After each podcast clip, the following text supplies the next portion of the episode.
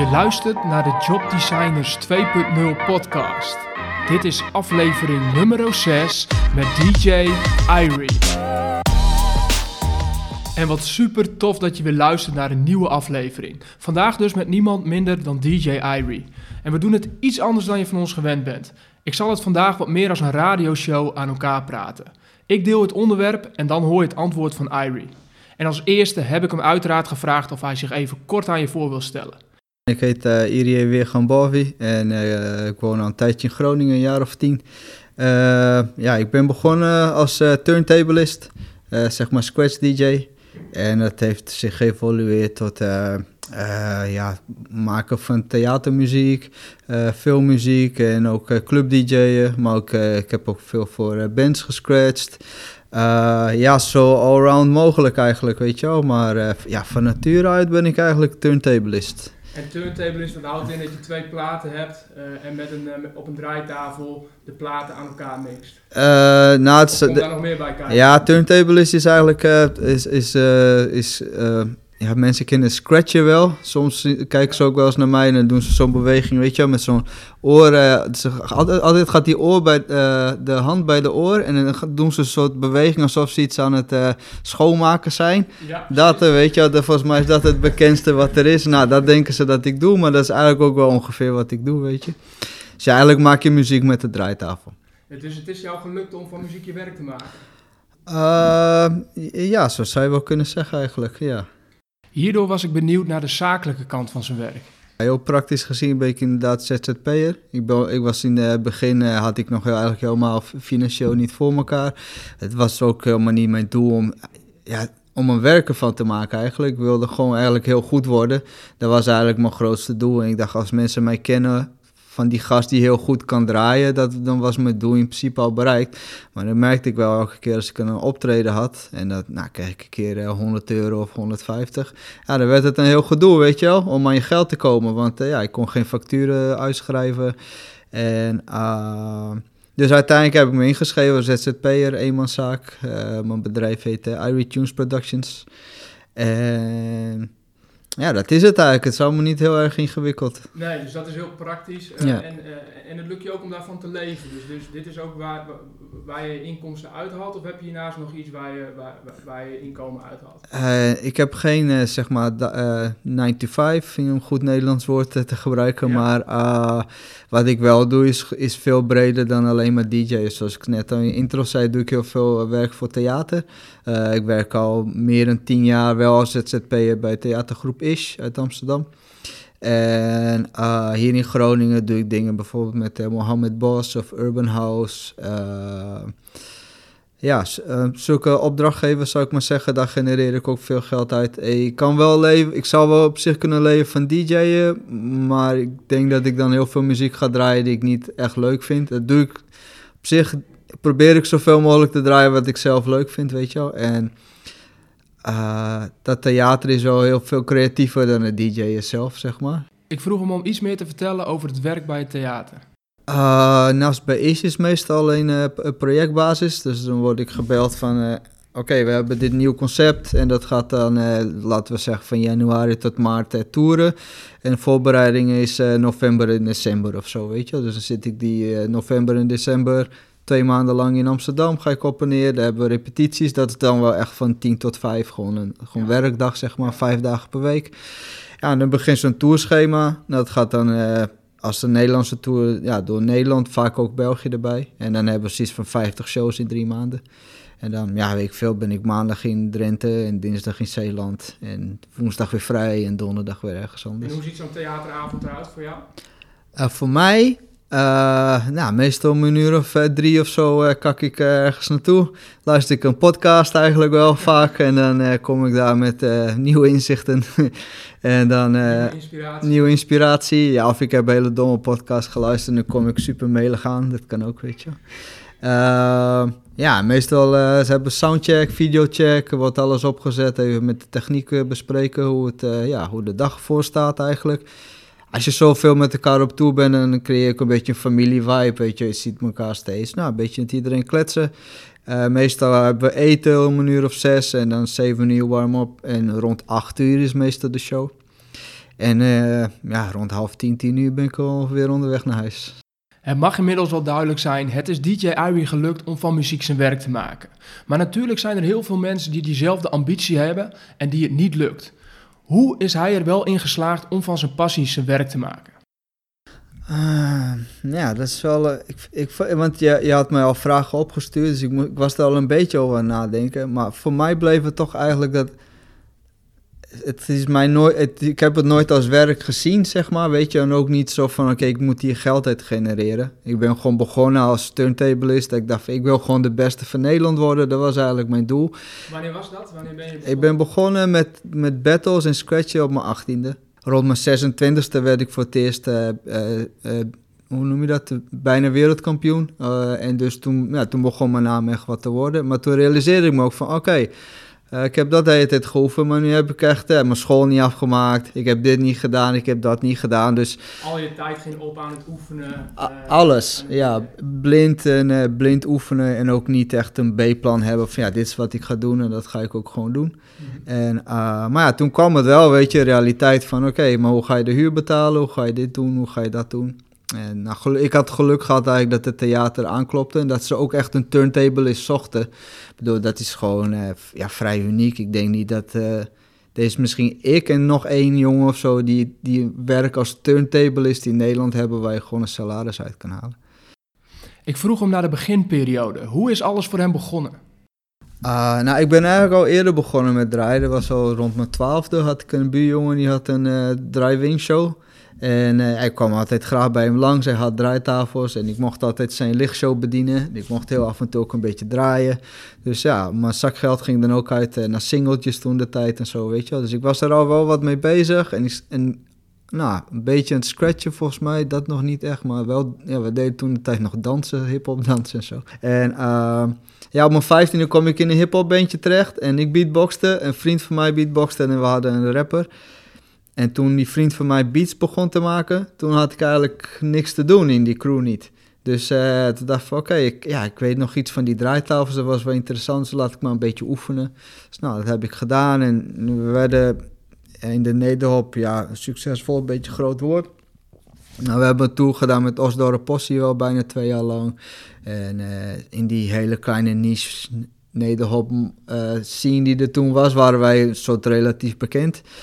Maar ja, toen nog nam ik het niet echt serieus, weet je wel. En, uh, maar op mijn achttiende dacht ik, uh, ja, dit wordt het gewoon. Ik ga gewoon, ik ga gewoon uh, DJ of turntablist worden. Dit, ik kan je ook echt de plek aanwijzen waar ik dat dacht. Dat was echt, echt een heel duidelijk moment van, nou, ik, ik weet niet wat ik anders ga doen. Ik zet alles op alles, ik word gewoon DJ. Waar ik dan benieuwd naar ben, is hoe overtuigd hij was op dat moment dat het hem ook echt zou lukken. Uh, ik weet het niet. Kijk, want je, je bent dan zeg maar 18. En uh, zoals je weet, hoe ouder je wordt, hoe meer je realiseert als je 18 bent, niet echt hele diepe toekomstplannen hebt. Het, gaan, weet je, het is gewoon, ja, dit ga ik doen en dat ga je dan doen. Maar het is niet van, ja, maar op mijn dertigste dit en hoe krijg ik dat? En kan, kan ik wel een huis betalen? En als die kinderen hebben, wat gaan ze van eten? Dat kwam er was allemaal niet te sprake. Het was gewoon puur intuïtief van, dit vind ik het leukste wat er is. En ik, volgens mij kan ik het.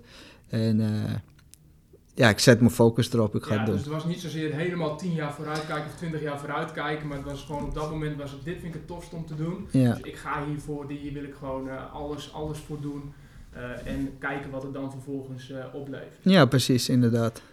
Hij beschrijft dus heel mooi hoe hij op zijn 18e jaar een heel duidelijk besluit maakt om van zijn passie zijn werk te maken. En ik vraag hem vervolgens ook om dat proces daarna te beschrijven. Welke stappen heeft hij gezet? Hoe zorgde hij ervoor dat het echt werk werd? Ja, want dat is het dus. Ik, ik dacht niet, ik, mijn werk, dat was nooit een ding. Dat, weet je wel, uh, dat vond ik ook wel grappig. Of, dat van, oké, okay, hoe gaan we dit oplossen in jouw uh, podcast? Ik merkte nu ook aan je toen ik het vroeg, van ja, je was daar wat zoekende naar van, oké, okay, maar het werk, het zakelijke gedeelte, ja. daar is nooit jouw focus op geweest. Dat, nee. dat is wel interessant. Ja, en eigenlijk nog steeds niet. En misschien is dat een soort tip, ja, of je het moet volgen of niet, weet je wel. Maar hij moet wel doen wat je leuk vindt, weet je wel. Kijk, dat, dat, wat ik later realiseerde, mijn gedachte altijd is van ja, uh, waarschijnlijk leef ik maar één keer, weet je wel. Dus ik ga wel doen wat ik leuk vind, weet je. Dus je was er heel vrij in, maar hoe heb je het aangepakt? Nou, wat ik dus heel veel gedaan heb, is me aanmelden bij uh, scholen die ik echt heel makkelijk aan kon. Ja, je moet, kinderen, als je luistert, dit moet je echt, eh, dit moet je niet doen. Hoor. Je moet wel je best doen op school en zo. Maar ja, wat ik dus heb gedaan. Dat was wel jouw strategie. Ja, ik dacht, uh, uh, ja, ik ga een SPW ga ik aanmelden. En dan kom ik af en toe op dagen. Nou, ik, ja, het was echt super simpel, dus dat haal ik allemaal wel. En ik kreeg studiefinanciering. Dus dan was dat in ieder geval gecoverd. Ik woonde al uh, vanaf mijn 17 op mezelf. Dus ik moest wel mijn huur betalen en zo. Dus uh, nou had ik, uh, zo heb ik tijd gekocht om te oefenen, weet je Dus, en ik was echt als een, echt als een maniak aan het oefenen ook. Gewoon iets van 12 uur per dag. Elke dag. Holy shit, dus 12 uur per dag, elke dag oefenen. Wat moet ik me daarbij voorstellen? Het was niet zo uh, georganiseerd als tegenwoordig uh, oefen, eh, omdat ik nu veel minder tijd heb. En ik heb ook een kind en alles, is mijn tijd veel schaarser. Dus ik ben veel meer gefocust. En het was toen, ja, ik werd in de ochtend wakker, ja, bakje koffie en draaitafels aan, weet je wel. Ja, en, ja, platen op de draaitafels en oefenen eigenlijk. Ja, meer was het niet. Ik was soms wel specifiek bezig met met een plaat. Als ik bijvoorbeeld een trucje wilde leren met een bepaalde plaat die ik net heb gekocht, en lagen diezelfde platen minstens een week lang op de draaitafels. En dan deed ik ook niks anders dan met die platen oefenen. Ja, heel veel experimenteren eigenlijk uh, toen de tijd. En non-stop, ik hoorde ook achteraf van vrienden van, van ja, je was ook echt super irritant, weet je. En dan kwamen we langs van, ja, ga je mee...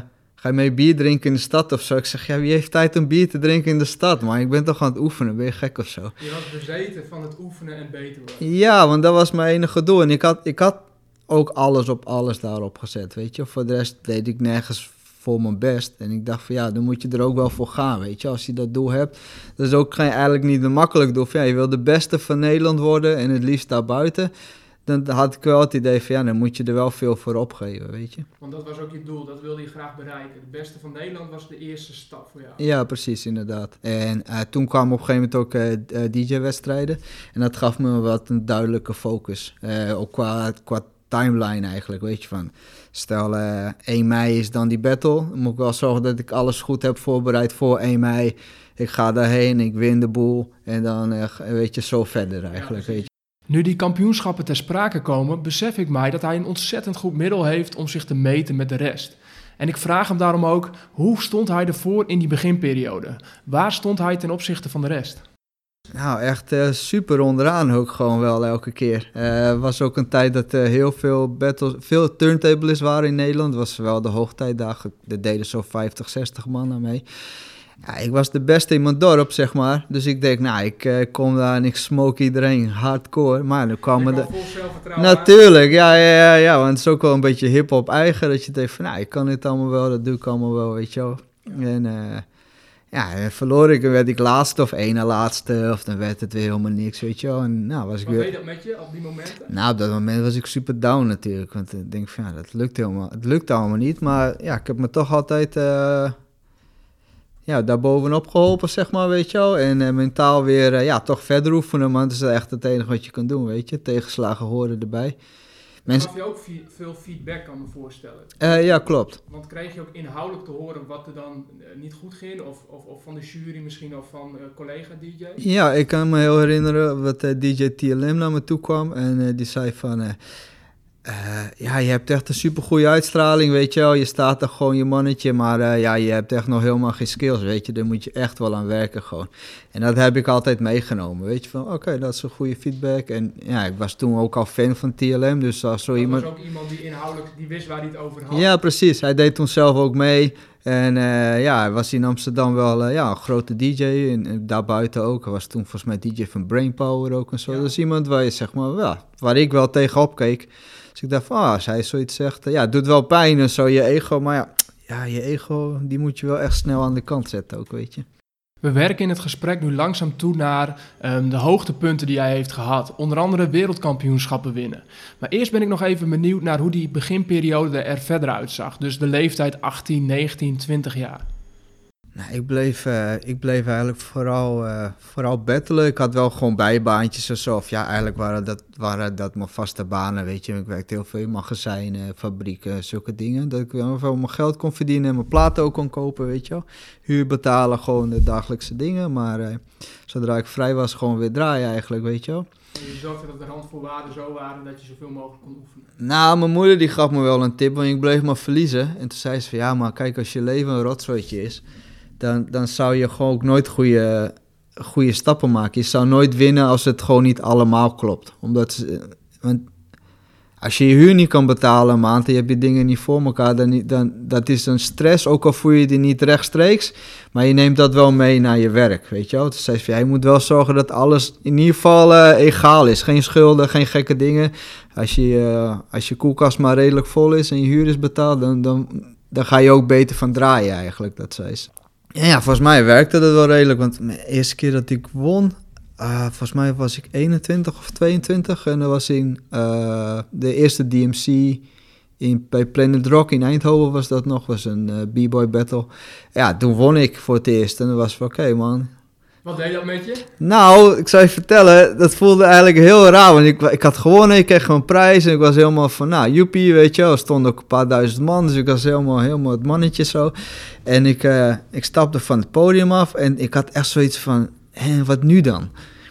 Echt zo'n zwart gat, echt, maar ook, maar ook gelijk. Zo van, hé, hey, maar oké, nu heb ik het gehaald, weet je. Maar ik, had, ik heb helemaal geen plan daar buiten. Was, je was zo gefocust op dat doel halen, dat, daar was alles op gericht. Ja, precies. En, en nou, dat was wel een wijze les, weet je. Van, ja, je moet toch wel iets verder kijken dan dat. Maar daar heb ik wel even een tijdje mee gezeten. Van, ja, wat ga ik nu eigenlijk doen, weet je Ik heb eigenlijk vooral verder gebetteld eigenlijk.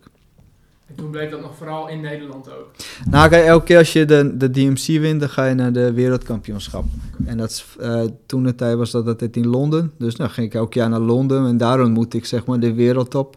Ja, jongens uit uh, Canada, US, uh, Australië, ja, noem maar op. De hele wereld is daar. Het is een soort Olympische Spelen voor DJ's. Dus ze zetten ons allemaal in een 5-sterren hotel. En dan zitten daar een week te chillen met, met de wereldtop. En ja, toen zag ik hun ook aan het werk, weet je. Dus dat gaf me ook motivatie. En ja, ik leerde ook meer van, oké, zo, zo pak je het zeg maar aan. Ik was toen nog steeds niet echt van, uh, ja, in clubs draaien of geld mee verdienen. Was nog echt heel wedstrijd-minded, weet je. Van, uh, ja, hoe word ik beter eigenlijk, weet je Hij vertelt dus in een notendop hoe hij van de laatste plaats naar wereldkampioen is gegaan. En waar ik benieuwd naar ben is, wat heeft ervoor gezorgd dat hij tot die wereldtop is gaan behoren? Ja, dat, vind, dat is wel een goede vraag. Maar dat, ja, dat zou ik zo eigenlijk niet kunnen 1, 2, 3 kunnen zeggen. Ik denk gewoon puur technisch gezien dat ik wat netter en wat gecontroleerder werd.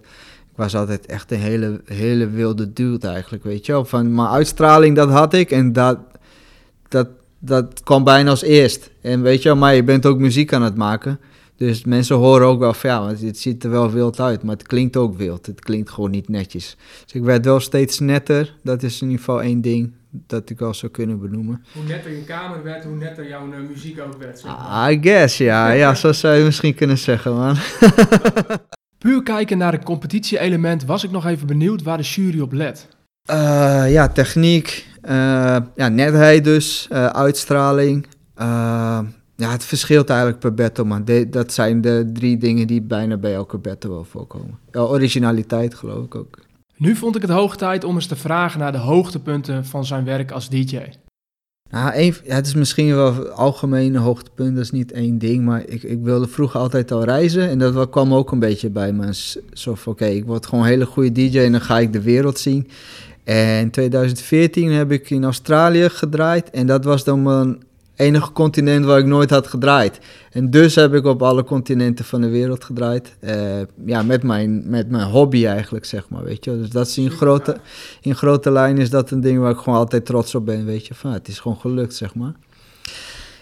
Ja, als, als DJ heb ik met Ish, eh, theatergroep, echt heel veel leuke dingen gedaan. We hebben bijvoorbeeld drie weken lang op Broadway gestaan. En heb ik ook daar geslapen op 42nd Street. We sliepen daar ook drie weken. Ja, precies. Dus, uh, en dan deden we twee shows per dag voor drie weken lang. In diezelfde tour zijn we naar LA geweest en Seattle. En een paar maanden later waren we in Chicago. Die hele, die hele is-tijd was echt super cool, weet je. Dus we hebben ook in Miami opgetreden. zijn we later naar China gegaan met z'n allen. ja, dus dat waren echt allemaal hoogtepunten achter elkaar wel. Als je kijkt naar hoogtepunten, was er één daarvan uiteraard ook weer het bereiken van de wereldkampioenschappen dit jaar. Ik vroeg DJ Irie om daar wat meer over te vertellen. Ja, dit was eigenlijk een hele andere battle. Dit is uh, Red Bull Freestyle. En uh, is ook een andere discipline battle. Dus deze zeg maar turntablism is, um, is, is niet verplicht eigenlijk. De, wat de bedoeling daarvan zo'n competitie is dat je uh, drie stijlen door elkaar mixt. Dat is eigenlijk de enige regel. Het heet ook freestyle. En uh, dat je 15 minuten lang een set maakt. Dat is het eigenlijk. Uh, ik had in 2016 in Nederland aan de voorronde meegedaan. Maar ik had best wel een shitty uit, uh, uitstraling. Niet zo, ik, het boeide me niet echt heel erg. Maar ik deed gewoon mee voor de fuck. Zo van, ah, ik ga gewoon meedoen. Maar wel, wel echt, echt arrogant ook wel achteraf gezien. ik ga er gewoon heen, ga gewoon winnen. Maar ik ga ook niet oefenen, weet je. En toen werd ik tweede. En, uh, en dat deed echt wel, dat deed pijn, ook omdat ik gewoon zo'n dumbass was geweest. Ik voelde mezelf zo dom. Denk van, ja, wat, wat... Achteraf gezien dacht je van, oh, als ik hem serieuzer had genomen, dan had ik wellicht eerste kunnen worden. Ja, dat, maar ook dat ik sowieso dat, dat, dat allemaal niet serieus nam. Dat ik, ik denk, ja, hoe kom je er nou bij dat je dan even naar iets gaat en dat je dat even wint. Maar ik was dan toch, met die shitty houding was ik toch tweede geworden, dus dat gaf me dan wel weer wat hoop. Dus uh, ja, die jaar erop kwam ik gewoon om te winnen. 2017. En toen heb ik echt, echt, echt hard geoefend. Super gefocust bezig geweest. Uh, hoe zag het eruit? Hard oefenen? Uh, hard oefenen. Er was, ik had een duidelijke schema. Ik, uh, werd om, ik word meestal vijf uur wakker. En doe ik wat mediteren, wat trainen, eten, kindje verzorgen. En om acht uur begin ik met oefenen. En van acht tot twaalf strak want dat is mijn werk. En 12 tot half 1 eten. En uh, half 1 dan uh, tot 4 dan deed ik uh, ja, huiselijke dingen of weet ik iets wat ik anders moest doen of ergens geld mee verdienen. En s'avonds ging ik evalueren, notities maken voor de volgende dag en dan deed ik dat. dat heel heb, strak ja, heel strak, ja. Hij koos dus voor een andere aanpak in 2017 en ik vroeg hem hoe dat is verlopen. Ja, uh, appeltje eitje natuurlijk. ja, want toen had ik het wel voor elkaar. Ik had niet, uh, ik, ik, was, ik, ja, uh, humble, zeg maar. Ik vind het heel vervelend om, uh, om Engelse woorden tussen te gooien. Het is wel normaal, maar ik vind het gewoon... Het, het is ook gewoon in het algemeen. Ik hoor het in de tweede... Even in de Tweede Kamer hoor ik het ook wel eens, weet je. Ik hoorde laatst iemand zeggen, die had... Uh, dubbele mixed feeling gevoelens had die vent. Ik denk, fuck off man, hé, dat kan toch niet man, slecht voor Nederland. Ja, precies. Dus, maar ja, af en toe kan ik het Nederlandse woord niet vinden. Ga je niet beondertitelen voor onze luisteraars? Heel fijn, nou, denk je wel. Maar ik had dus, uh, ja, ik weet niet, ik had, ik, ja, ik had me herpakt, zeg maar, weet je, alles klopte. En ik had heel hard gewerkt, was gefocust en ik, gevisualiseerd ook van, nou, ik sta daar gewoon met die prijs straks in mijn hand. Dus, uh, en als alles klopt en je hebt er hard voor gewerkt, dat heb ik dan wel in de, in de jaren geleerd. Als je het ziet en je werkt ervoor, dan gebeurt het ook. Als je het ziet, visualiseert, ja. zeg je ook. Dus als je het voor je ziet en je bent bereid om daar het, het werk voor te doen, dan heb je alle vertrouwen in dat je dat uiteindelijk ook dat doel gaat bereiken. Uh, ja, dat, is, dat heb ik ook vaak meegemaakt dat het zo is. Ik, ik denk er wel eens over na bij, uh, bij, bij uh, The Voice of Holland of zo. Ja. Dan zie je ook van die lui, die komen er binnen, die zijn ook 36. En die zien het helemaal voor zich en die hebben helemaal geoefend en zo, weet je wel. En dan komen ze helemaal niet door die voorronde, zijn ze verschrikkelijk slecht. En dan denk ik van, ja, maar hoe werkt dat dan met mijn theorie, weet je. Waarom werkt het bij mij wel, bij hun niet? Ja, en een van die dingen dat ik dan denk is dat je moet wel eerlijk tegenover jezelf zijn, weet je wel. Als ik nu nog denk van ik word uh, topturner, kan ik me visualiseren wat ik wil en trainen wat ik wil, maar het, lichamelijk uh, ben ik daar te oud voor en het is niet mijn discipline. Dus je moet, het moet wel... Ja. Je moet zelfkennis hebben. Je moet weten, eh, je, je, moet bewust zijn ook van waar liggen mijn kwaliteiten, waar Precies. ben ik goed in en wat past ook echt goed bij me. Ja, je moet gewoon eerlijk tegenover jezelf zijn, weet je En zodra je, denkt, zodra je dat hebt... En ik had al genoeg, door mijn verleden in, in de DJ-wereld al genoeg... Uh, ja, respect verworven of in ieder geval dingen meegemaakt waarvan ik dacht van oké, ja, dit, dit, is wel wat ik kan, zeg maar. Ja, dus je had wel een goed referentiekader. Het was niet uit de lucht gegrepen. Precies. Oké, dit gaat het worden, maar je wist wel van er is een kans dat, het ook, dat ik het waar ga maken. Ja, precies. Ja, sterker nog, ik dacht, ja, ik ga, dit gaat gewoon gebeuren, weet je wel. Daar was je zo van overtuigd. Ja, precies. Wauw. En het gebeurde ook. En ik vroeg hem om dat moment en het gevoel wat hij erbij kreeg terug te halen. Ik was net, zeg maar, want het was in de Melkweg en dan sta je met de zes deelnemers sta je daar en, en dan komt de jury aan met die trofee. En toen was ik heel zenuwachtig en vooral om het feit dat ik dus de, deze hele theorie heb en ik heb er ook naar gehandeld en gewerkt. En als ik dat, de prijs niet kreeg, ik had het niet erg gevonden als ik niet won. In principe, maar ik had het erg gevonden dat mijn theorie dan niet klopte. Dat, datgene wat zo werkelijkheid was voor jou in je hoofd. Ja, precies. Ja, dat ik dacht van ja, dan, ben je ook, ben ik, dan was ik net zo'n gast als van The Voice geweest.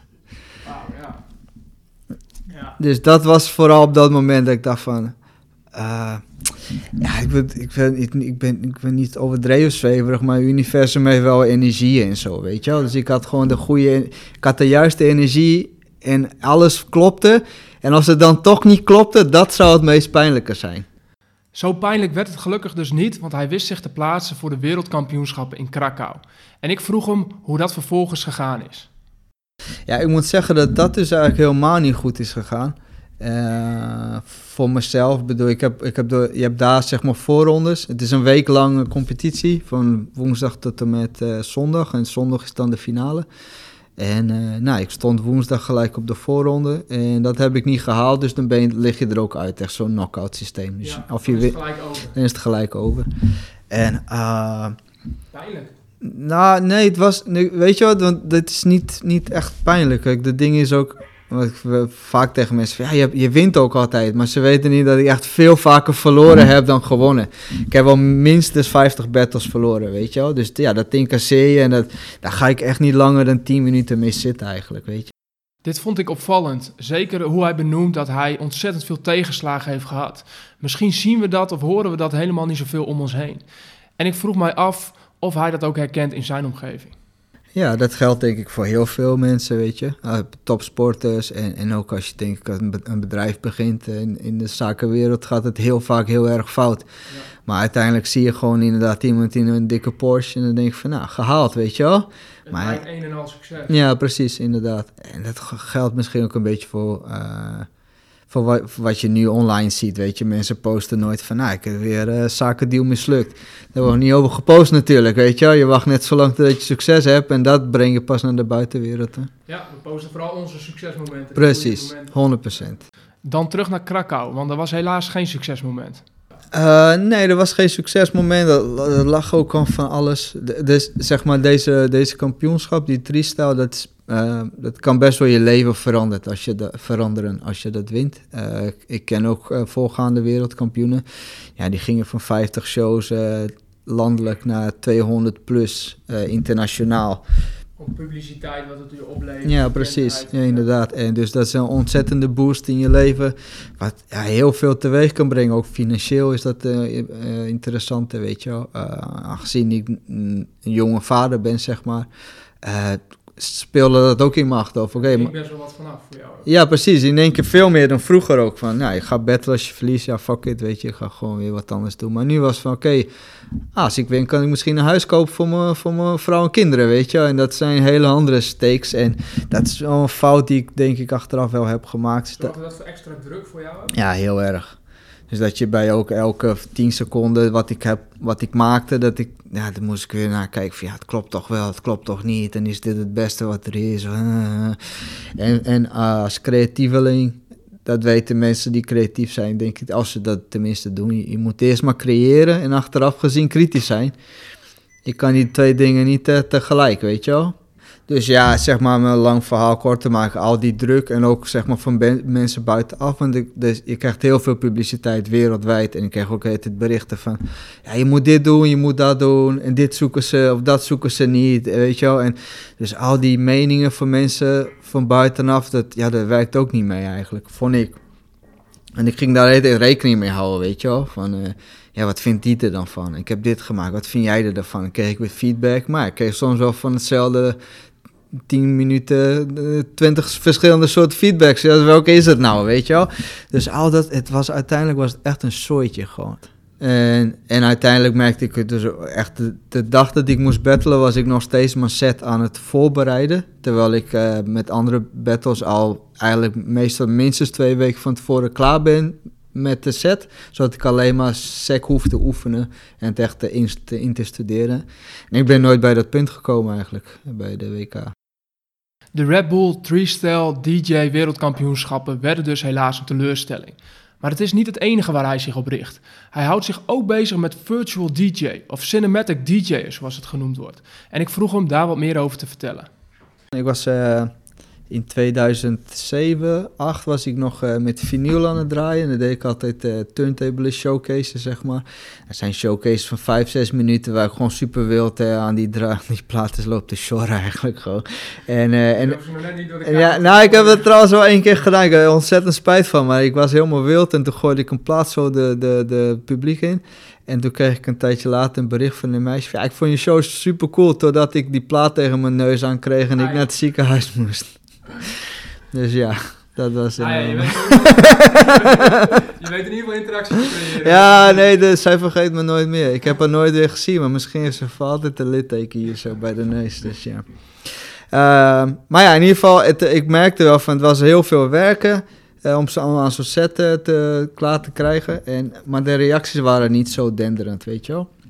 Ik kreeg er ook niet zo heel veel boekingen van. En, en toen was ze een beetje van, ja, ja, wat moet ik doen, weet je wel. En het liep allemaal niet. En uh, een, een vriend van mij, of collega, of collega-vriend... die kwam in één keer uit het niets met van... ja, je kan tegenwoordig ook met beelden scratchen. En dat was toen nog dit, destijds met een dvd-speler, vergelijkbaar met die cd-spelers die je in de club hebt, maar dan een dvd. Kon je een dvd'tje instoppen en dan kon je heen en weer gaan met de beelden. Dus en, scratch je eigenlijk met een film of met een scène uit een film. Precies, ja, met alles wat maar beeld is, uh, reclames, wat je maar wil eigenlijk. En um, op een of andere manier triggerde dat zo mijn... Uh, ik was er zo door gefascineerd geraakt dat ik er een paar dagen eigenlijk niet van kon slapen. Maar letterlijk niet. Dat ik echt drie dagen lang op bed lag van of niet alleen in bed lag, maar als, als, ik naar bed moest, dat ik dan lag van, wow, je kan dit ermee, je kan dat ermee, je kan zus, je kan zo, bla En uh, ja, wat een nieuwe wereld, weet je wel. Wat, je, ja, je, je kan ik echt ver mee komen, dacht ik. Je zag ook alle mogelijkheden, wat, wat, wat, wat je er allemaal mee kon gaan doen. En, en, je creativiteit werd gelijk getriggerd. Ja, maar echt op een manier wat ik nog nooit eerder had meegemaakt. Er was zo'n stroom aan ideeën wat ik had, dat ik er echt uh, ja, onrustig van werd, weet je wel. Dus ik dacht van, ja, dit moet het gewoon zijn. En toen heb ik zo'n systeem aangeschaft. Toen de tijd was het nog allemaal een beetje zoekende, want ze zijn... Uh, ja, ze waren eigenlijk nog niet zo goed als ze nu zijn. En ik zag gewoon de mogelijkheden. En een van de dingen wat ik zag is van... Als ik hier... Uh, als ik dit goed bespeel en het goed leer, dan ben ik uniek. En dat is toch iets wat ik altijd heb gewild en wat ja, eigenlijk heel veel DJ's en artiesten wel willen natuurlijk. Maar je eigen ding creëren. Ja, precies. bekend staat om, dit is, dit is DJI. Ja, precies, inderdaad. En, en ah ja, al dat klopte. Uh, het was gewoon, uh, artistiek was het nieuw. Uh, ik kon het ook uh, in het theater toepassen, wat ook heel fijn was. Want ik liet het vrij snel aan de artistieke directeur zien. Uh, van ja, ik ben hier nu mee bezig. Eigenlijk zag hij het een per ongeluk volgens mij zelfs, maar anyway. Hij kwam er gelijk naar me toe van, yo man, dit is echt super cool. En wat ben jij aan het doen en hoe werkt het? laten we er een show van maken. Ik heb gelijk, heeft me gelijk een kans gegeven om daar ook een show mee te maken, gebaseerd op die techniek. Ja, je doelgroep wordt groter natuurlijk, omdat je niet alleen het, het, het audio gedeelte hebt, maar het, is, het beeld komt nu ook heel erg prominent naar voren. Ja, precies, inderdaad. Ja, een van de dingen die ik zelf leuk vond, is dat je zo heel erg met, uh, met de herinneringen van mensen kon spelen, weet je wel. En uh, je, triggerde allemaal extra gevoelens daardoor. Dus als ik bijvoorbeeld uh, een een videoclip uit de midden jaren tachtig, uh, die jij als kind altijd zag, dan ja, word, word, je daar helemaal blij van, weet je wel. Plus met de muziek erbij en alles bij elkaar. Dus ja, dat vond ik heel interessant, dat je zo uh, ja, extra gevoelens genereerde bij ja, publiek. Ja, het, het, wekt wel emotie op bij mensen. Ja, precies. Uh, en, en, dat is de kracht van muziek natuurlijk, maar helemaal als je dat weet te combineren met beeld erbij. Ja, precies. Het mag duidelijk zijn, DJ Irie zit niet stil. En ik vroeg hem daarom ook hoe zijn toekomst eruit gaat zien. Wat kunnen we van hem gaan verwachten? Uh, ja, een vriend van mij uit Duitsland, uh, die is al een tijdje bezig met een boekingskantoor te beginnen.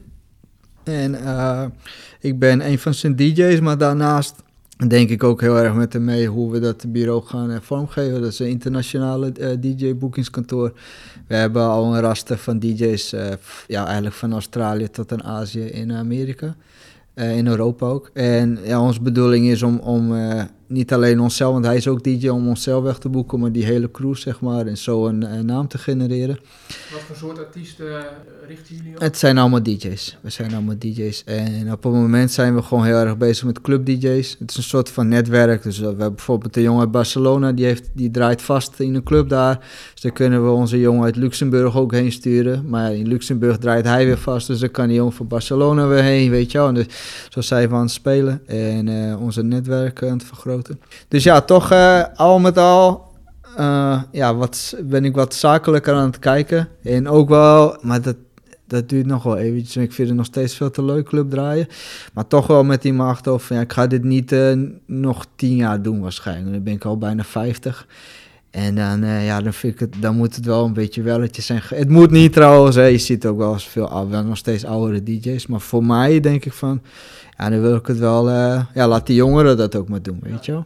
Je voelt dat een nieuwe fase aan zit te komen voor Ja, een beetje wel, ja. Ik vind het ook wel fijner om, uh, om thuis te zijn bij mijn kind in de buurt.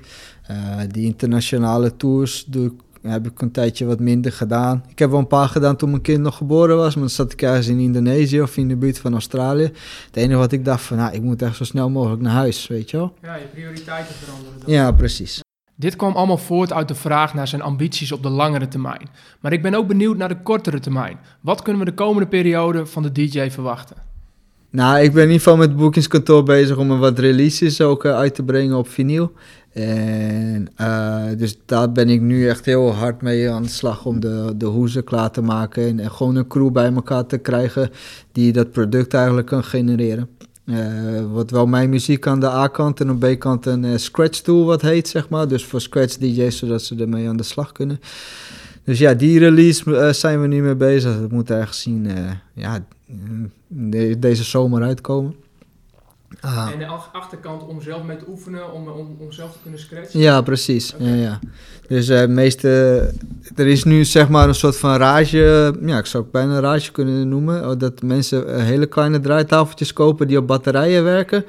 En met een, uh, met een speakertje erin. En dan gaan ze allemaal uh, de straat op en gaan ze daarmee scratchen. Oh, ja? En je ziet ook de leukste beelden. Mensen staan bij de Grand Canyon te scratchen, op de Chinese muur. En uh, noem het maar op. Maar ook gewoon bij mensen in de wijk, weet je wel. Dus dat is best wel een soort van... ja, de nieuwste trend, zou ik maar zeggen, in de turntableswereld. Dus daar willen we op inspelen. Maar tegelijk willen we op de B-kant gewoon de gewone DJ die, die, ja, die muziek wil draaien, willen we ook zeg maar bevoorraden. Dus dat is een ja, vrij nieuw concept eigenlijk. Volgens mij heb ik het nog niet eerder gezien, maar we gaan, ja, we gaan het gewoon proberen. Tof, dat zit eraan te komen. Dat zit eraan te komen, inderdaad. En nog voordat ik hem ga vragen naar welke social media kanalen we kunnen gaan om dat te blijven volgen, ben ik nog even benieuwd welke tips hij heeft voor de mensen die eigenlijk hetzelfde besluit als wat hij op zijn achttiende maakte, hebben gemaakt en de ambitie hebben dus om DJ te worden. Ja, ik vind het echt een, echt een hele moeilijke vraag. Ik heb ook sinds kort een, eh, een leerling ja, die kwam eigenlijk ook een beetje met hetzelfde vraag. Ik, in de reden dat ik het lastig vind om het uit te leggen, is dat toen ik begon, uh, was uh, uh, vaardigheid stond hoog in de vaandel, weet je wel. Dus als je ergens heel goed in was, dan zou je opvallen en dan, ja, dan zou je boekingen krijgen. Eigenlijk een soort van mijn verhaal. Je denkt eerst van hoe goed word ik en als je eenmaal goed wordt, dan dan genereer je vanzelf kansen. En als je die ziet liggen en die liggen, liggen jou persoonlijk, nou, dan, ja, dan, ga, je, dan ga je daar, daarvoor. Maar ik heb toch vaak het idee dat nu uh, mensen gewoon eigenlijk helemaal niet kunnen draaien. Maar dat ze dan wel een hele goede Instagram-game eh, hebben. En hartstikke goed op hun, weet, hun social media is echt, echt voor elkaar. Ze hebben mooie, hartstikke mooie witte tanden. Gaan vaak naar sportschool. Hun haartjes zijn helemaal perfect. En dat ze dan toch hun boekingen krijgen, weet je wel. Dus ik, ja, ja wat zou ik... En je, je merkt dat de personal brand is gewoon ontzettend belangrijk geworden. Dus hoe je jezelf in de markt zet, dat, dat merk je af. Als je dat goed kan, dan heb je al een voorsprong op vele anderen. En dan hoef je nog niet eens de beste te zijn. Precies, ja, dat, dat heb je goed uh, verwoord inderdaad. En maar, maar jij bent wel de beste geworden door het te doen en door je daarin te ontwikkelen. Um, dus misschien kun je een, een, een, een advies geven als je denkt, oké, ik wil in ieder geval zorgen dat ik de beste ben. Ongeacht of ik daar nou uiteindelijk ook mijn werk of mijn opdrachten uithaal. Mm Maar hoe word ik nou de beste? Hoe, wat, wat kan ik nou het beste doen om mezelf ontwikkelen als DJ? Uh, ja, ik, ja, techniek is, uh, is, is, volgens mij wel, wel belangrijk. Als je het dan inderdaad aan mij vraagt, ik zou de hele social media aan de kant laten. ja, zou ik gewoon zorgen dat je gefocust bent. Uh, ja, dat je, dat je oefent eigenlijk. Gewoon zo simpel is het, weet je. Besteed uren achter je apparaat. Uh, een draaitafel is in principe, of weet ik veel wat je gebruikt, cd spelen. Het is niet anders dan een gitarist. Je kan waarschijnlijk, als je gitaar pakt, kan je misschien in een week kan je een akkoordje. Ja, maar dan zit je met dat akkoordje en dan kan je nog geen liedje, weet je. Dus uiteindelijk wil je ook een liedje leren spelen. Als je een liedje wil, wil je ook een album leren. En als je album wil, wil je ook een band. En als je band wil, voor iedereen, weet je wel. En dan groeit het, zeg maar. Maar het begint allemaal door je instrument door en door te kennen. Kijk, je hebt nu alle mogelijkheden om erbij te blijven uh, qua, qua YouTube en weet je, nou die, zeg maar, internet in het algemeen. Er is zoveel informatie, er is eigenlijk geen excuus om achter te lopen op de feiten. Alles ligt daar klaar. Ik bedoel, het is gewoon uh, YouTube University, weet je. Als je wil, dan kan je gewoon overal de beste in worden door tutorials te kijken. Maar, komt er wel weer bij, kijk niet alleen tutorials, maak er ook gebruik van. je gaat het ook doen. Ja.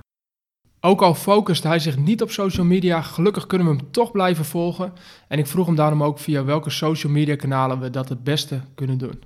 Ik ben uh, te vinden op Instagram, dat is uh, en DJ schrijf je D-E-E-J-A Griekse I, I-R-I-E. En uh, deze andere DJ Irie en het verschil is gewoon echt wel de pigment. ja, dus ja, dan is het iemand anders. En woonplaats ook wel. Maar, woonplaats ook wel, ja, pigment is uh, echt heel verschillend tussen ons twee. Uh, in, op Twitter is ook DJ Irie. YouTube kan je me vinden, DJ Irie. Soundcloud is DJ-Irie. Daar vind je vooral mijn edits en mijn mixes. Uh, Mixcloud is DJ Irie, uh, Vimeo ook DJ Irie, denk ik. Uh, wat heb ik nog meer? Nou, dan is het wel even goed zo. Ik denk dat je me wel kan vinden, ja, denk ik. genoeg mogelijkheden om je te volgen. Ja, zeker. Mooi.